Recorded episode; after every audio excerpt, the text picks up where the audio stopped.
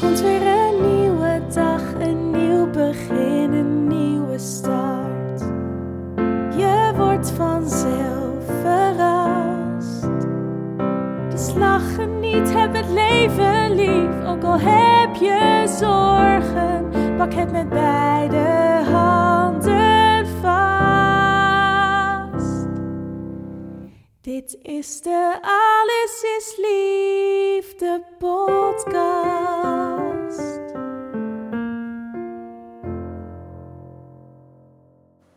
Welkom, je luistert naar de podcast Alles is Liefde.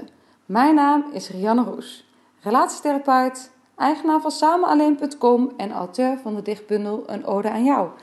In deze podcast ga ik in gesprek met mensen die ik heel inspirerend vind over het leven, de liefde, relaties, seks, de dood. En in deze podcast hoop ik jou ook te inspireren. Ik wens je heel veel luisterplezier en mocht je geïnspireerd zijn geraakt door een onderwerp of door een gesprek, dan hoor ik het heel graag van je. En ik zou het ontzettend waarderen als je een review achter wil laten in de iTunes podcast app.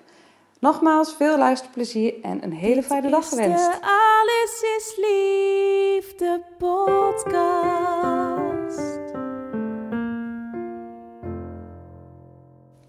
Ja, daar zijn we bij deel 2 van de aflevering over de zeven sluiers, over Taoïsme, over tantra, over seksualiteit en over het lijf.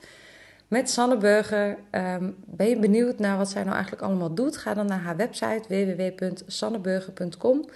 Ehm, en ook is er heel veel informatie te vinden op de website www.touwtraining.nl, volgens mij, .com. Nou ja, probeer beide even en daarin vind je alle informatie over eh, trainingen en Reinoud Eleveld, waar um, Sanne het ook over heeft. Ik zal de linkjes even toevoegen aan, uh, aan de beschrijving. Dat is denk ik handiger. In ieder geval, deze aflevering, deel 2, gaan we het hebben over de zeven sluiers. Het is een aflevering in tweeën geknipt, dus we beginnen niet opnieuw met de vraag. Waar denk jij als ik zeg liefde? We gaan eigenlijk meteen door op de inhoud van de zeven sluiers. Ik wens je veel luisterplezier. De zeven sluiers zijn eigenlijk specifiek ontwikkeld voor deze cultuur.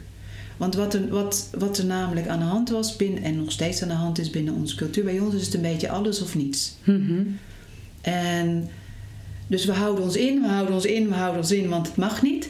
En als je dan eenmaal iemand hebt, of als het eenmaal wel mag, Mhm. en met name ook omdat heel veel mensen gewend zijn geraakt aan pornografie, Ja. wordt er veel te snel geneukt, om het maar even heel plat uit te Mhm. drukken. Dus, dus mensen gaan veel te snel van 0 naar 100. ja, die penetratiefilter die is Echt heel, heel erg jammer. En dat heeft ook een effect op je levensenergie en op je, op je um, energetische balans. Namelijk, het effect is, je raakt uit balans. Ja. Je raakt fysiek uit balans, je raakt emotioneel uit balans en je raakt geestelijk uit balans. Dus het feit dat wij als cultuur niet geleerd hebben hoe we onze seksuele energie kunnen beheren, waardoor we maar iets doen eigenlijk, betekent dat we dus veel grensoverschrijdende situaties meemaken. ja. En, En het eh, lichaam ook meer als gebruiksvoorwerp. ja, soms en, gebruiken en, in plaats en vaak van- ook helemaal niet zo goed weten wat we dan precies moeten doen. Dus dan, dan doen we maar het meest primitieve. Dat is namelijk penetreren en klaarkomen. Ja. Wat voor de vrouw niet leuk is en wat voor de man trouwens ook niet leuk is. En het is een beetje jammer dat ook in onze cultuur dan mannen vaak gezien worden als de, de slechterikken en vrouwen als de slachtoffers. Ja. Want het is ook echt niet waar. Mannen, mannen, zijn, mannen willen net zoals vrouwen op een hele liefdevolle, voorzichtige manier de seksualiteit verkennen. Maar wordt geleerd dat dat, dat, dat niet mannelijk is. Nee, precies. Dus heel veel mannen hebben- weten ook niet beter. Mannen worden ook opgevoed met het idee je moet willen neuken in plaats van Precies. En, je, en Ja. ja. oh, er zijn zoveel vooroordelen en, en vreemde opvattingen ten aanzien van seksualiteit.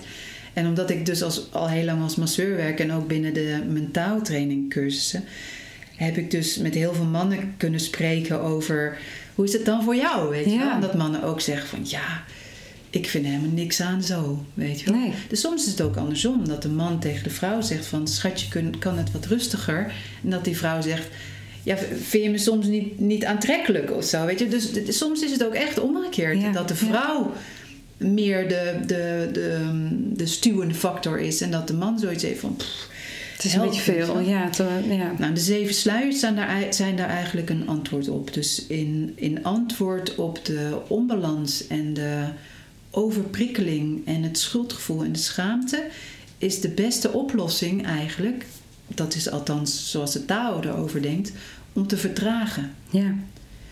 Dus al- als je verliefd wordt of als je je aangetrokken voelt tot iemand, kun je ook zeggen van nou, wat zullen we eens gaan doen, weet je wel? En dan, dan kan je ervoor kiezen als stel om in plaats van maar wat te doen of in plaats van bij de eerste date al met elkaar naar bed te gaan, zeggen we gaan de zeven sluiers doen. ja.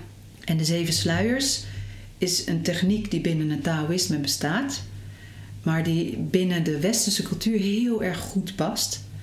In de zin Ja. van, het is, een, het is een hulpmiddel om te vertragen als je in, in relatie bent en je, je wil niets liever dan met elkaar vrijen, maar je weet niet hoe.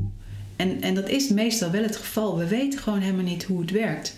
En als je vanuit de verwarring en vanuit de, de intensiteit van de seksualiteit maar wat doet, dan is het meestal gewoon eh, neuken klaarkomen, om het maar weer even in die Mhm. platte bewoordingen uit te drukken. Maar ehm, dan sla je dus wel een heleboel stapjes over.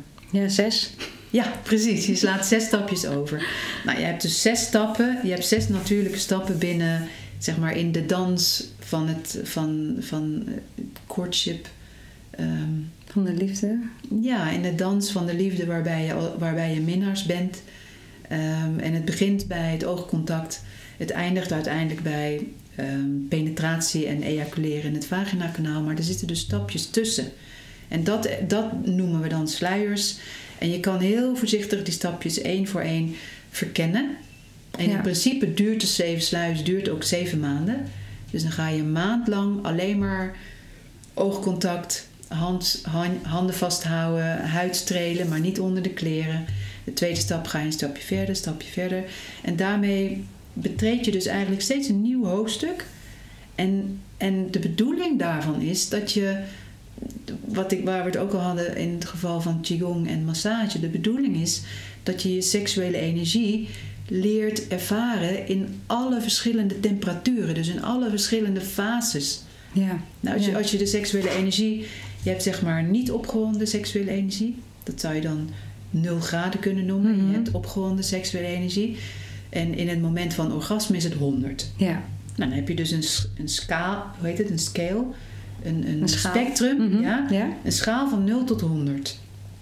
En bij veel mensen in onze westerse cultuur is het of 0, Ja. gewoon helemaal niks, of 100. Ja. En soms binnen vijf minuten is het alweer klaar, weet je. Ja. Ja. En vooral bij mannen, omdat mannen zo ook biologisch ontwikkeld zijn. Mannen zijn ontwikkeld, de seksualiteit van mannen is meer naar buiten gericht. Letterlijk. Het geslachtsorgaan is het ook naar buiten. geslachtsorgaan is meer naar Ja. buiten gericht. En mannen hebben ook als taak om naar de vrouw toe te gaan. Vrouwen hebben, zijn meer naar binnen gericht. En dat is absoluut niet om te generaliseren overigens. Maar dat is gewoon hoe het biologisch werkt. Ja. Zeg maar. Ja. Vrouwen hebben meer, de e- energie van de vrouw blijft meer in de baarmoeder.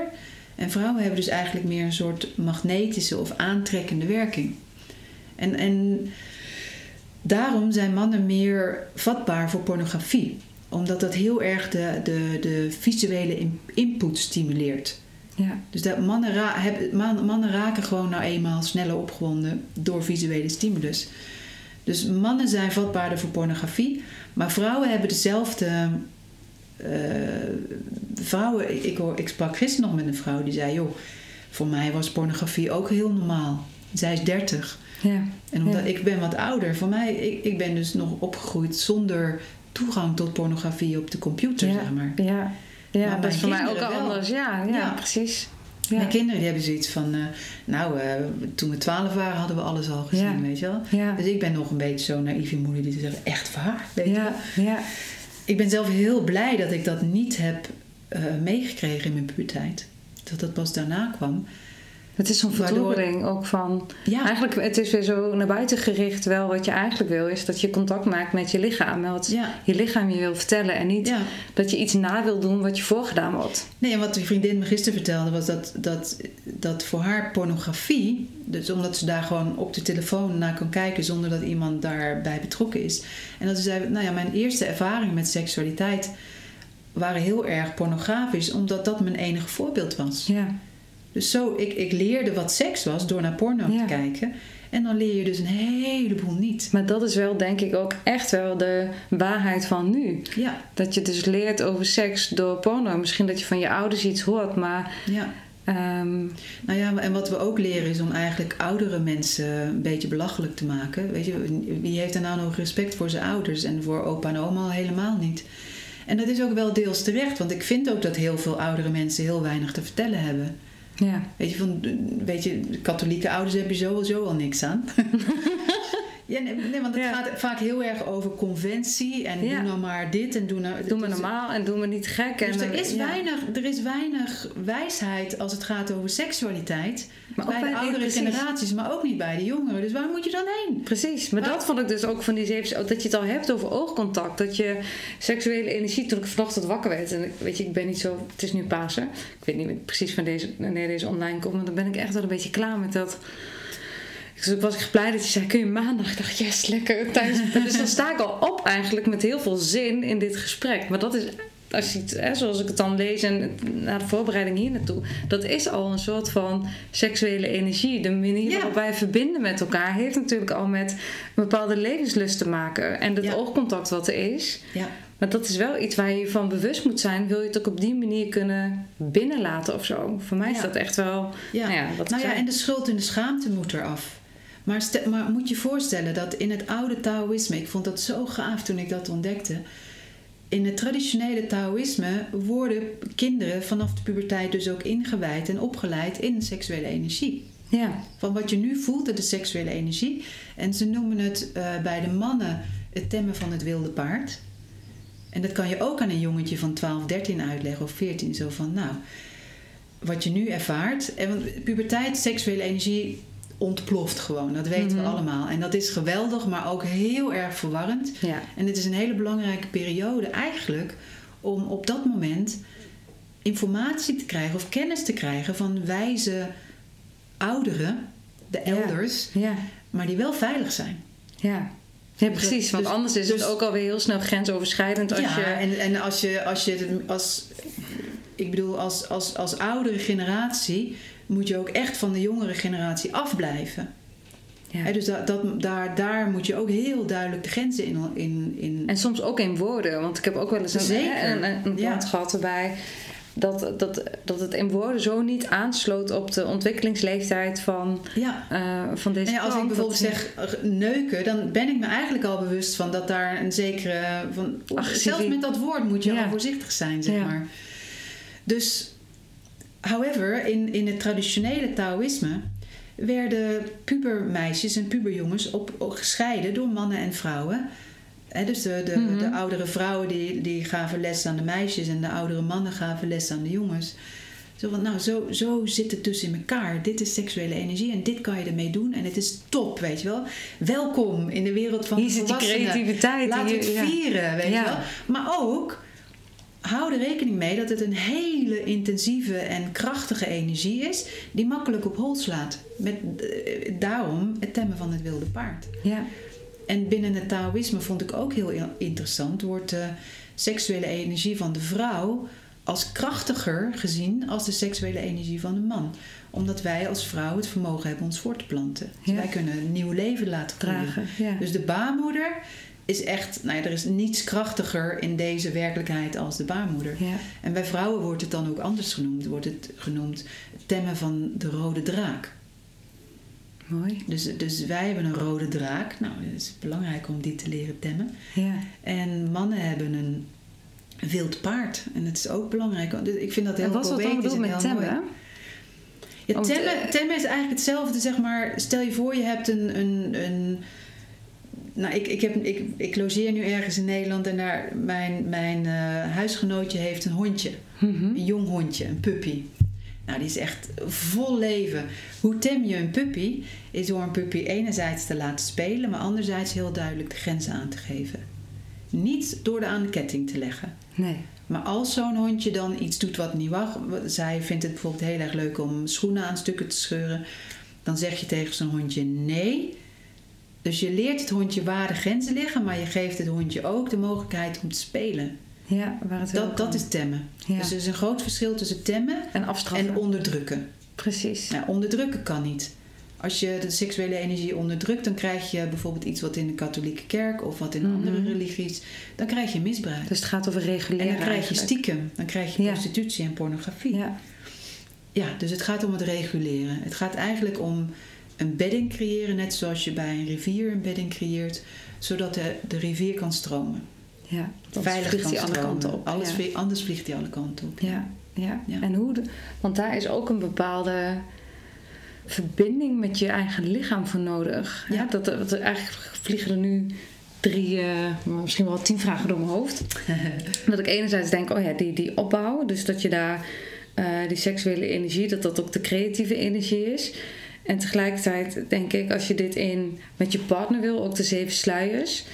ehm, is dat, hè, kan je dat weer opnieuw samen gaan doen, ook al ben je al langere tijd samen. En tegelijkertijd is er eerst een mate van verbinding nodig voordat je de zeven sluiers aangaat. Of kan de, eh, de methodiek van de zeven sluiers leiden tot die verbinding? Maar eh, nou ja, Ja. dat. Nee, dat is ook een hele goede vraag. Want eh, binnen het Taoïsme worden twee manieren onderscheiden om je seksuele energie te transformeren Mhm. en te cultiveren. Dus eigenlijk om bezig te gaan met het bewust worden en transformeren van de seksuele energie. En de ene heet monocultivatie en de andere heet duocultivatie.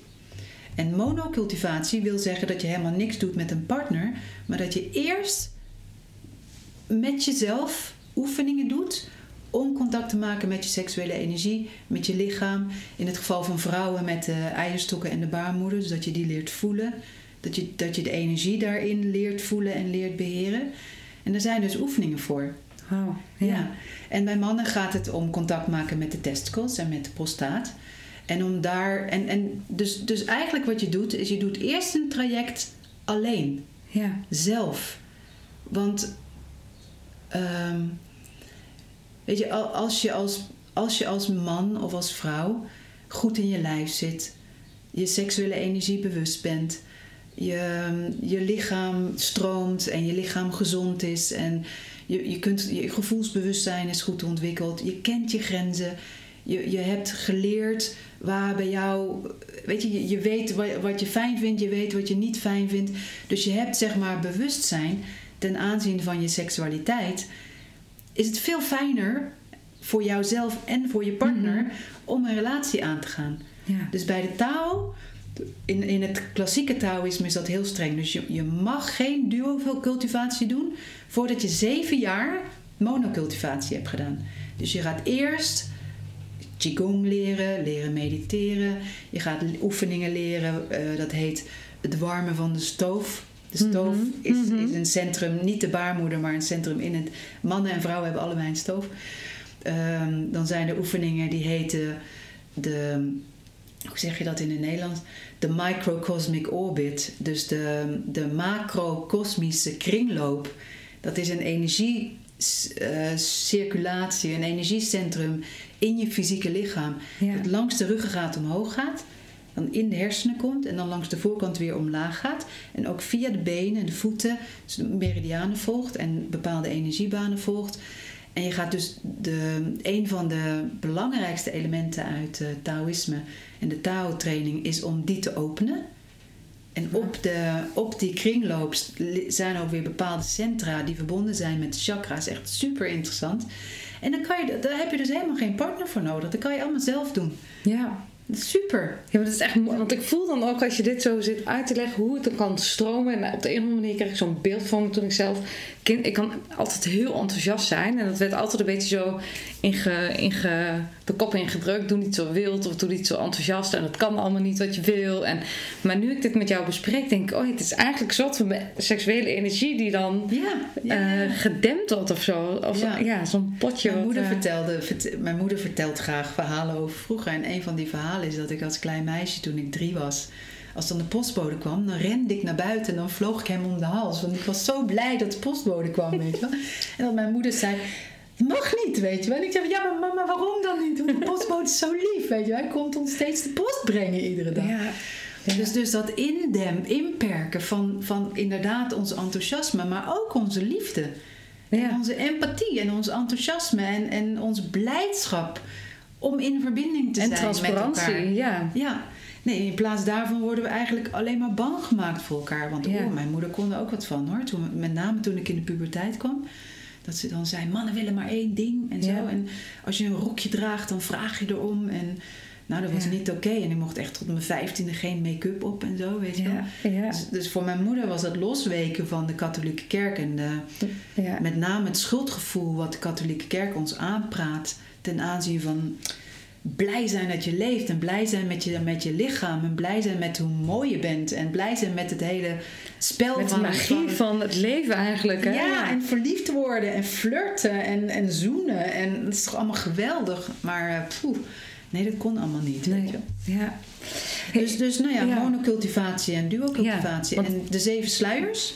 Terug naar, ja, Mhm. wou je dat vragen? Nee, maar inderdaad, want dan heb je dus zeven jaar eigenlijk dat je zegt, dan doe je die monocultivatie. Dus Ja. dan, Nou ja, binnen, binnen de westerse cultuur past dat strenge Nee. niet. Nee, dat snap dus ik. Wij, Maar dat wij hebben dat al ja. lang losgelaten. Ja. We hebben meer zoiets van, nou weet je, de zeven sluis is een optie. Je kan het allebei doen. Maar wees je bewust van het feit dat het dus mogelijk is om individueel ook heel erg ver te komen in het cultiveren van je seksuele energie. Ja. Om daarin zeg maar belangrijke stappen te maken. En een van de stapjes wat, waar we het al over hadden is om contact te maken met je lichaam. En je lichaamsenergie en je lichaam, lichaamssensaties echt te leren voelen. Dus dat je precies weet waar je seksuele energie is. En, en hoe je erbij zit seksueel, zeg maar. Ben je, ben je in staat van opwinding? Ben je niet? Is je seksuele, waar is je seksuele energie? precies. Ja. En- En, en- daarvoor moet je weten dat er een eh, dat, dat er dingen tussen die 0 en 100 zitten. Ja. Dus dat het niet alleen 0 is of 100, maar Ja. dat je ook gedurende Dat je de kunt dag. zeggen, oh mijn energie is op 18 of zo. Of mijn energie. Het hoeft ook niet de hele tijd op 0 te zijn. Maar het moet ook niet de hele tijd op 95 zijn. Want dan, dan in beide gevallen ben je uit balans, zeg maar. Ja. Maar vooral mannen, maar ook vrouwen. Onze, onze cultuur is in zekere zin ook heel erg pornografiseerd. Dat woord heeft mijn leraar uitgevonden. Maar gepornografiseerd is eigenlijk wel een heel goed woord. Ja. Ik bedoel, zo gauw je MTV aanzet of, eh, of, of Mhm. televisie kijkt. Er is gewoon heel veel porno en heel veel... ehm, er, is heel, dus er worden heel veel prikkels uitgezonden. Ook omdat dat commercieel voordeelachtig is, weet je wel. Ja. Een auto verkoopt eerder als er een blote vrouw op ligt. Alles verkoopt beter door seks. Ja. Dus Maar het omdat, is, omdat ja, we biologisch geprikkeld worden. Precies, maar de meeste kosten. mensen- Ja, Ja. de meeste mensen zijn dus overprikkeld. Dus als man en ook als vrouw. Maar we hebben dus binnen onze training heel veel oefeningen waarbij je dus leert, van, leert herkennen. Oh wacht, ik word nu geprikkeld. En hoe ga je vervolgens om met die prikkel? ja. Dus het dwangmatige van pornografisering, het dwangmatige van ik, ik moet nu, moet ontladen. of ik, moet on- ik, ik, wil, ik moet nu porno kijken om een orgasme te krijgen. Of, dus, dus de pornografische fixatie of de pornografische obsessie of, of, of verslaving zelfs. Er zijn veel mensen echt verslaafd aan porno of verslaafd aan klaarkomen. Dus dat moet je ook weer afleren. Er is een hele Mhm. hoop af te leren van hoe kun je eigenlijk weer terugkeren naar onschuld. Ja. En Ja. ook naar, gewoon puur, zuiver. Dat is wat... ehm, je bent... Zelfs de seksualiteit is voor mijn gevoel ook een soort van film in je hoofd geworden. Van zo moet het uitzien. Zo, hè, de-. Een bepaald plaatje waar je aan probeert te voldoen. Wat vervolgens ertoe leidt dat je totaal niet bezig bent met wat voelt mijn lichaam nu eigenlijk. Precies. Dat je alleen maar bezig bent met... Doe ik het goed, eh, doe ik het goed of doe ik, hè, Ja, ja, ziet het eruit zoals het er moet uitzien? Dat je niet bezig bent met wat voel, wat voel ik? Hoe kan ik ontspannen? Hoe kan ik in mijn lichaam komen? Zodat ik, Ja. nou ja, die zeven sluiers gaan er heel erg over, ook mijn grenzen kan voelen. Ja. En dan zit het, nou dat vind ik ook gewoon mooi eraan, dat je veel meer het contact maakt, ja, bijna van ziel tot ziel. Omdat je steeds in het oogcontact, dat is volgens mij steeds het startpunt. Dat Ja. je, Nou ja, in onze cultuur maakt. is het misverstand ook dat seks gaat over klaarkomen. ja, Dus we zijn ook heel vaak bezig met, met zeg maar een soort doelgericht, bijna klinische seks hebben om dat maar zo snel mogelijk of Ja. zo goed mogelijk voor elkaar te krijgen. En, en eerst was het met name gericht op de man. De man moet klaarkomen, maar tegenwoordig moet de vrouw ook klaarkomen. ja, En het is niks mis met orgasme en er is ook niks mis met, met het genot wat je kunt beleven aan het hebben van een orgasme. Maar als dat het enige doel is, het prestatie moet dan zijn, is het gewoon heel jammer. Ja, dan schiet het zijn doel voorbij. schiet het zijn doel voorbij. Ja. En het wordt dan ook vaak grensoverschrijdend. Want heel vaak is het moment gewoon helemaal niet daar. Nee. En wil je, wil je met die persoon of op dat moment of in die specifieke situatie, wil je helemaal niet al klaarkomen, maar je wil eigenlijk gewoon eerst elkaar beter leren kennen. Ja. En, Ja. en, en wat voor mij, wat mij heel erg heeft geholpen is, ik vertelde net in, in het interview al dat ik zelf, ik denk ook dat iedere vrouw in onze cultuur grensoverschrijdende dingen heeft meegemaakt. Ja. Waar je, waar je vaak zelf toestemming voor gegeven hebt. Dus je kan niet zeggen van ja, het was zijn schuld. Of de- nee, het gebeurde omdat je dronken was. Of omdat je dacht dat het hoorde. Of omdat je geen nee durfde te zeggen. Dat, Maar ik want denk dat ook inderdaad gewoon binnen, precies, maar ook binnen relaties nog. Dat je, ook al heb je een hele dat. mooie, duurzame relatie en je bent intiem met elkaar, je gaat niet halverwege, in ieder geval, je gaat minder snel halverwege zeggen: Ah joh, weet je, het, het, eh, Ja. ik, dat het lukt heel- toch niet vandaag. Heel veel, heel veel vrouwen hebben zoiets van ja, dat is toch ook zielig voor de man. dus ik laat hem maar. Maar wat Ja. doe je dan je eigen lichaam aan? Precies. Dan Ja. maak je dus eigenlijk de behoeften van de ander belangrijker dan je eigen grenzen. Ja.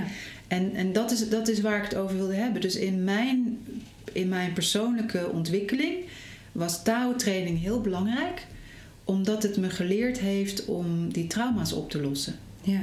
Want als je seksueel grensoverschrijdende situaties hebt meegemaakt, ligt dat dus ook opgeslagen in je lichaam. Ja. En met name Ja. in je seksuele organen. Dus bij vrouwen in de vagina en in het vaginakanaal en bij mannen in de penis. Ja. En, als, en, en wat er gebeurt is dat er een desensitizing, een, ehm, we noemen dat het gevoelspanzer. Dus er ontstaat eigenlijk een soort schild waardoor je minder voelt. ja. Je gaat een soort van op slot. Je gaat een soort van op slot. En dat kun je ook met Taoïstische oefeningen oplossen. Ja. Maar, en daar zijn ook de zeven sluiers voor. Dus wat.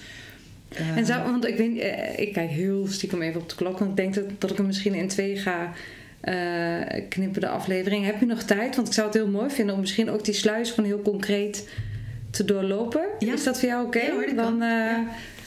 Want omdat er zitten zulke mooie elementen in, sowieso hè, voor mij als relatietherapeut, maar ook voor mij als mens. En ik denk ook voor de luisteraars, omdat dit iets waar, is waar we allemaal vanuit de westerse of ja, cultuur eigenlijk toch mee te maken hebben. Ook inderdaad het stoppen, het aangeven van grenzen. Het, eh, maar niet vanuit hardheid, maar vanuit verbinding. Ja, nou wat, wat misschien wel goed is om te noemen, is dat, dat de zeven sluiers uitgebreid beschreven zijn in dat e-boekje wat ik Ja, heb. Visie, op seks, hè? Ja, via jouw website. Maar ik heb ook de zeven sluiers, het hoofdstuk De Zeven Sluiers, heb ik ook apart gemaakt. Omdat zoveel mensen daarna vroegen, omdat ik zoiets had van ja, het is ook flauw om dan te zeggen: nee, je moet een boekje kopen, weet je wel. nou, een boekje is de 10 euro, want ik heb hem besteld als 10 euro, hè? Dus het is ook niet. ja, een, eh, nee, maar, dit- maar dus je kan, je kan Visie op Seks lezen. Dat raad ik echt iedereen aan, want dat Ja. geeft ook weer de bedding voor de zeven sluiers. Want wat veel mensen toch vergeten of overslaan, is dat ze meteen de zeven sluiers gaan doen en geen monocultivatie. Dus, dus niet die fase overslaan, waarbij je dus ook met jezelf leert zijn, zeg maar. En waarbij je je gevoelsbewustzijn, je lichaamsbewustzijn ontwikkelt. En eh, het woord detraumatiseren wil ik ook nog even inbrengen. Eh, waarbij dus de blokkades die ontstaan zijn door negatieve seksuele ervaringen, waarbij je die oplost. ja. En dat kan je eigenlijk, althans dat is mijn persoonlijke ervaring, kan je beter alleen doen dan met de partner. Ja. Het is gewoon fijner, is Ja. gewoon makkelijker, is Het is een andere afstemming, is, Ja. precies, het is veiliger. En als ja. je dat met een partner weer doen, kan ook. En dan kom je ook weer op jouw vraag. Ehm, je kan dat wel degelijk met een partner doen, maar alleen maar met een partner die je 100% vertrouwt. Ja. Dus als je al 10 of 15 jaar een relatie hebt, ik noem maar wat hoor, kan ook één jaar zijn. En soms kom je als relatie ook in een bepaalde sleur terecht. En ehm, denk je, nou, eh, hoe blazen we nieuw leven in onze Mhm. seksualiteit? Nou, dan zijn de ze- zeven sluizen ideaal. Maar ook als je trauma's wil oplossen, als je blokkades in je lichaam wil deblokkeren, dan zijn de zeven sluizen ook heel goed om te doen. Maar dat zou ik nooit met iemand doen die ik niet heel erg goed ken. Want als je gaat detraumatiseren, dan komen er emoties op van vroeger. En dan moet je soms misschien heel erg huilen. Of ineens komt er een enorme woede omhoog tijdens het vrijen. Nou ja, dat, dat, dat kan alleen maar als je, als, als je partner begrijpt wat er gebeurt. En dat Ja. niet persoonlijk opvat. Nee. En als nee, je het gewoon in jezelf- niet door jou, Ja, weet je wel. Ik ben niet boos op jou, maar dit is gewoon herinneringen. En dat, dat je partner ook daartoe bereid is in plaats van, nou, leuk, leuk dit, zeg.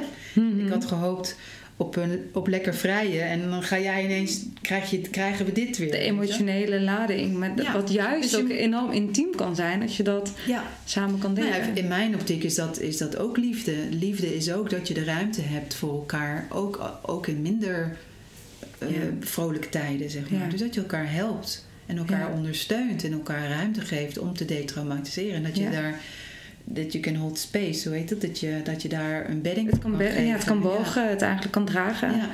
Dus Ja. veiligheid is ook bij de zeven sluis ontzettend belangrijk. Ja, maar het is, want dat, ehm, als mensen dus langere tijd samen zijn, ehm, wat ik gewoon zie in, in de praktijk, is dat juist mensen die misschien al vanaf hun 16e, 17e samen zijn, die, hè, die vertrouwen elkaar wel na 15 jaar of 20 jaar samen, maar leven ook nog een beetje op het niveau van de 16-jarige in de seksualiteit. Omdat dat, als je dat 10, 15, 20 jaar doet samen, dan ehm, kunnen de zeven sluiers misschien iets heel moois brengen. Maar tegelijkertijd moet je er denk ik voor oppassen dat het niet een soort van zeven stappenplan wordt.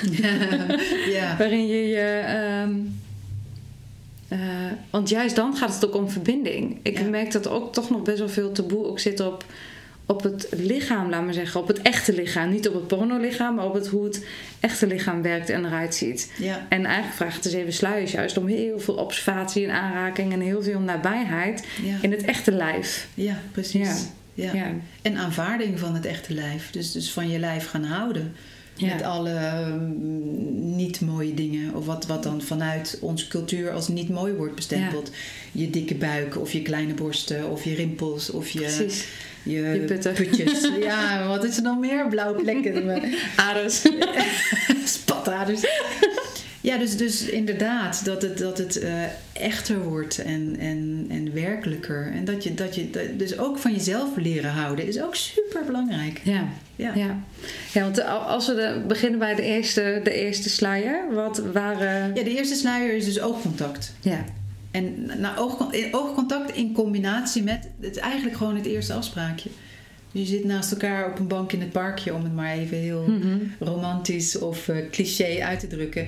En het enige wat je, het enige, wat, wat mag binnen, het is niet mogen, hè? het zijn gewoon Het is een het uitnodiging zijn verschillende om... ja. fases. Dus het, is niet, het, het zijn geen zeven regels, het zijn zeven stapjes.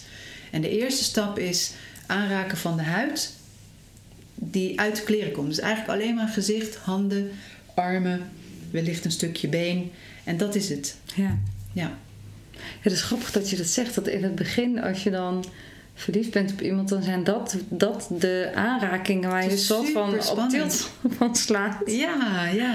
Ja. En het is zo jammer om dat over te slaan. Zeg Ja. maar. Ja. dus dat ga je eigenlijk weer helemaal herontdekken. ja. Omdat je weet ook van, ehm, dit is stap 1 en we gaan dus niet al naar stap 2. Want we gaan een, ja. nou ja, als je het echt volgens de, de regel, regels, maar in ieder geval volgens het eh, schrift wil doen, dan zou je zeven maanden hebben voor zeven sluiers. Dus ga Ja. je een maand lang. Maar er zijn ook wel mensen die doen het een week. Ja. Zeg maar, dus een week eerste, week tweede, week derde. En wat ook heel belangrijk is, is dat je... ehm, dat als je de zeven sluiers gaat doen en je maakt die afspraak... dat je ook mag zeggen bij de derde sluier van... ik geloof dat het nu wel genoeg is. Ja. Dus het is ook een manier om te onderzoeken of je eigenlijk wel met die persoon wil. Ja. En je hebt dus altijd heb je het recht om te zeggen naar de derde of de vierde sluier van... nee, toch niet. Toch niet door. Toch niet. Nee. Nee.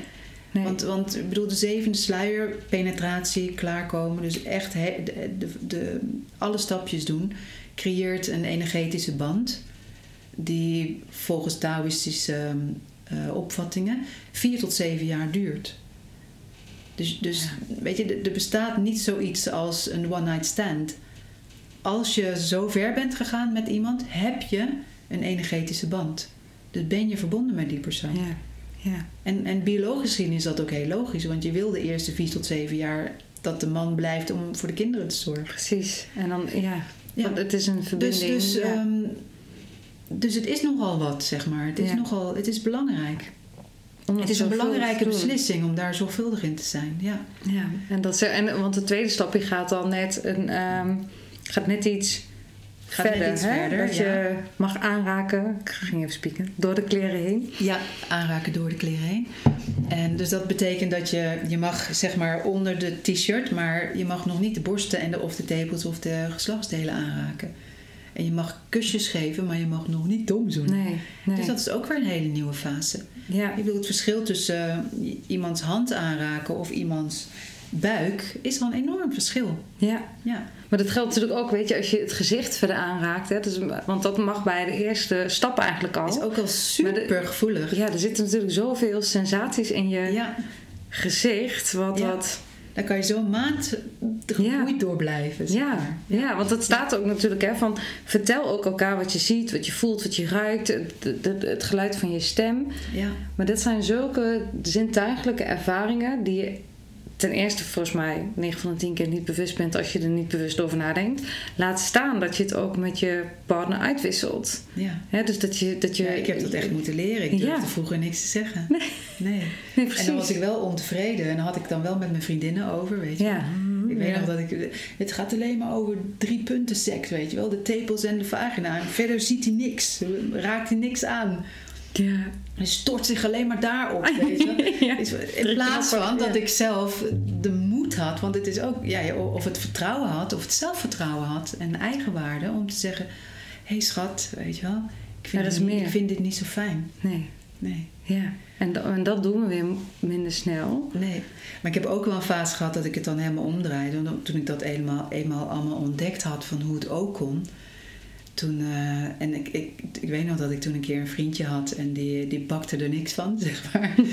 en dat ik hem echt de vloer met hem aanveegde. Zo van, jee, ben jij een slechte minnaar, zeg. En, eh, en eh, je, je moet zussen en je moet zo. En ah, nou ja, als je je orgasme niet eens kunt beheersen, beheersen dan laat maar, weet je wel. ja. En, en hij schrok zich natuurlijk een ongeluk. En pas later realiseerde ik me van... Ja, dat is ook weer niet de manier, weet je Nee. wel.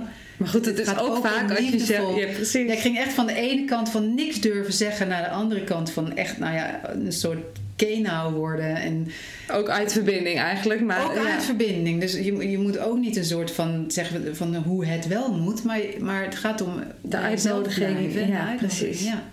Nou, Ja. dan bij de derde, ik geloof pas bij de vierde sluier heb je, mag je de tepels wel aanraken. Maar het orgasme komt pas bij de vrouw in de vijfde, bij de man in de zesde. En bij de zevende ejaculeer je pas in het vaginakanaal. Ja, ja. Dus je En bouwt het echt Je zo bouwt het echt heel langzaam op. Ja. Maar juist ook om in elke fase echt met elkaar eh, te kunnen beleven. Ja. Of ja, met jezelf ook, maar ook dus met, met, met je partner op dat Ja. moment. En het orgasme is gewoon een raar ding. En het is vo- vooral voor mannen, maar eh, voor, voor, het is soms. Het is nog steeds zo dat mannen vaak te snel klaarkomen en vrouwen te langzaam.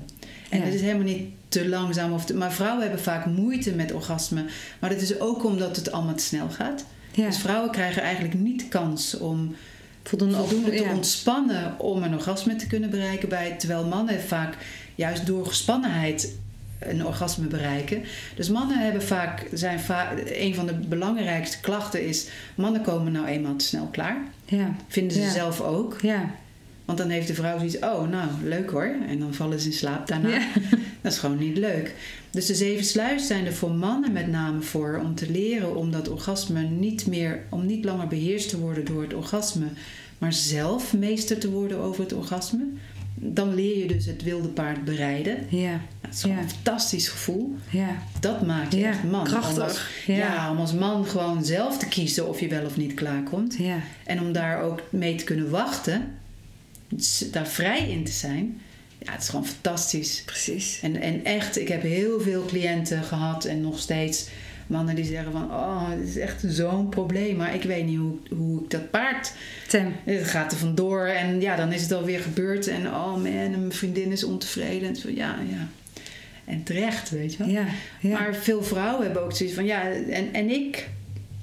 ja, en dus dan moet de het snel, snel voor je gevoel. Ja, Ja, nee, ja, en dat lukt vaak Nee. niet. En dat, maar dat, dat is ook helemaal niet de bedoeling. Dat je als vrouw binnen drie minuten met die man mee galoppeert. En dat je dan ook maar... Want dan ga je ook op de pornografische tour. Precies. Dus als vrouw moet je juist leren ontspannen. En dan is het veel makkelijker om een orgasme te krijgen. Ja. Dus de zeven sluiers. Dus uit het Zijn hoofd, ook dat hele voor. mind gebeuren. Ja. Dus, dus mannen gaan vertragen en vrouwen leren hun seksuele energie volgen. En dan ontmoet je elkaar veel Ja. meer. ja. Dus het wordt niet meer de mannelijke seksualiteit en de vrouwelijke. Het wordt gewoon een gezamenlijk avontuur of een gezamenlijke dans wat je beleeft. En daarin kom je elkaar. Dus is de verbinding zoveel dieper. Ja, dat geloof ik meteen. Zo, zo, zo mooi is en het het ook. En zo ook omdat je meteen wat eh, overtuigingen ontmoet die je dus moet gaan tackelen. Ja. Eh, over, eh, stel dat je dit zeven weken zou gaan doen, dus elke week één sluier, Mhm.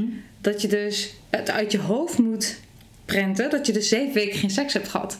Ja. Hè? Dan, dan, Ja, ik zeg dat zo. krijg ik ook steeds van... Mag ik... Nee. Laatst kreeg ik een mailtje van iemand die zei... Ja, ik ga met mijn vriendin de zeven sluiers doen... maar mag ik dan daarnaast nog wel porno kijken? Ja, En een ander die zei van... eh, het antwoord is dus nee. Want Nee. anders heeft het geen zin. Nee, dan precies. Er staat ook, seksuele- hè, je ma- mag geen eh, masturbatie, of mag, maar hè, als je dit goed wil doen en die Ja. wil voelen. Ja, want het gaat dus om het, om het anders leren omgaan met je seksuele energie. Dus, dus je, in die zeven weken gebeurt er iets heel anders en spectaculairs met je seksuele energie. Ja, precies. Maar dus ook niet nog een ander vriendinnetje erbij nemen. Of nee, gewoon niet. Nee. En sommige mensen vinden dat echt heel raar. ja, Zo van, hè? Maar het gaat toch alleen maar over overtuigingen, over Ja. hoe je denkt dat, dat het Ja. hoort. Of, nou ja. Het is vaak voor mannen ook een verademing hoor. ja. Want Ook man- tot daar de mannen zijn ook zo geconditioneerd. Dat, weet je, dat ze ook het idee hebben dat ze, als ze dan eenmaal gaan vrijen, de hele tijd een erectie moeten hebben. Terwijl dat ook gewoon niet hoeft en niet de bedoeling is. Nee, nee, dat Dus las ook de ergens. Hè? komt ja. en gaat. En, ja, en dat, dat, dat is oké.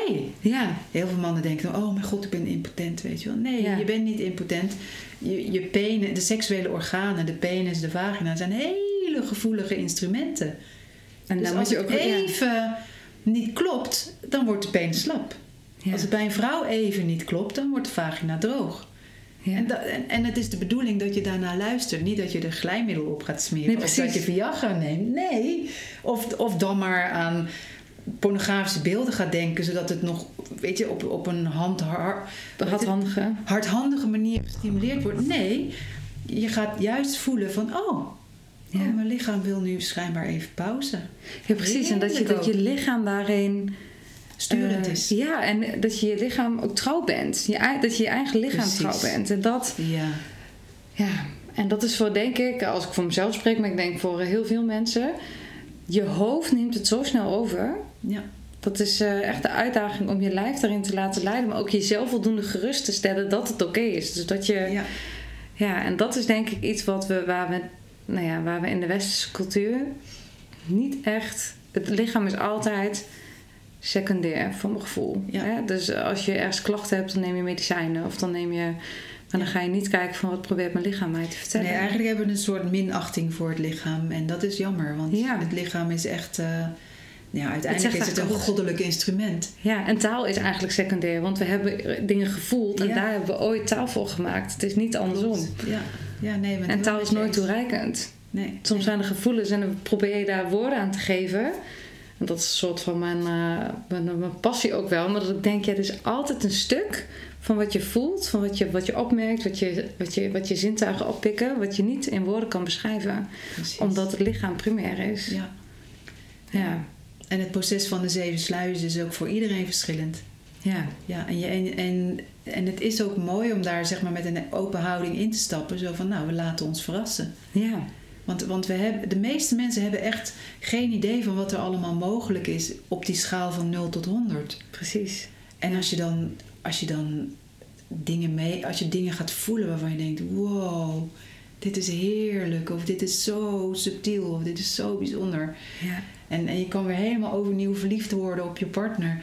Of ineens van je eigen lijf gaan genieten terwijl je denkt, oh jee, vroeger dacht ik dat mijn tepels ongevoelig waren, maar nu zijn ze ineens heel gevoelig. Dus, dus je, Ja. nou ja, het is echt een ontdekkingsreis. Ja. Ja. En je wordt daarin ook weer echt heel onschuldig. Want je gaat op een hele, eigenlijk op een hele speelse manier jezelf En de ander helemaal opnieuw ontdekken. Ja. En je seksualiteit helemaal opnieuw ontdekken. Ja, en, ja, precies. Want ik heb laatst in de Happiness wel zo'n gezichtsmassage of zo'n yoga-oefening voor het gezicht. Ik weet niet eens meer precies. Toen dacht ik, oh ja, jeetje, wat, wat kan je eigenlijk veel voelen in je, Ja, je aan je hoofd en aan je gezicht. Ja. En als je dat opnieuw kan ontdekken, ga je volgens mij een nieuwe betekenis verlenen aan de sensaties van je lijf. Want volgens mij las ik ergens ook in een ander artikel van je dat, dat je opwinding dan ook maar gaat zien als opwinding. En niet per se als een soort van voorbode van ik moet ontladen, maar dat het, dat het een soort golfbeweging is. Ja. Eh, Dat je het, Een eh, soort eb en vloed van ja. levenskracht. ja. En dat het niet per se betekent dat als, het, als je op die 95% zit, dat je naar die 100 toe moet. Maar dat je ook kan denken, oh wat heerlijk dat ik me zo energiek voel of dat dit zo Ja. in mijn lijf gebeurt. Ja, een van de, van de basisprincipes ook weer uit het Taoïsme is dat je gezondheid en je, je daadkracht enorm verbeteren als je jezelf in opwinding brengt, maar vervolgens niet klaarkomt. Want dan kan je namelijk die, die geactiveerde levenskracht in je lichaam circuleren en daarmee voed je Mhm. alles in je leven. Ja. Ja. Dus het Ja. dagelijks klaarkomen, of het heel vaak klaarkomen, wat in onze cultuur best wel normaal is, vooral bij mannen, dat wordt binnen het Taoïsme echt afgeraden, omdat je Ja. daarmee zoveel levenskracht kwijtraakt. ja. Dus zij hebben veel letterlijk weg. Ja, ja, gewoon met het sperma, poef, Ja. is, is het er niet meer. Ja. Dus zij zeggen, het is, het is veel te kostbaar om dat op die manier te te verspillen. Ja. En het is ook zonde, want het is ook. Het, het- het- veel mensen denken als ze dan dat horen voor het eerst, zo van eh, dat je moet leren om je ejaculatie te beheersen als man. Vrouwen trouwens niet, hè? Vrouwen die raken geen. Vrouwen, vrouwen kunnen ook ejaculeren, maar een normaal natuurlijk orgasme raken ze geen energie kwijt. Er komt alleen maar meer energie in de baarmoeder. Ja. Maar voor mannen is dat vaak zoiets van: oh, nou leuk, zal wel heel saai worden dan.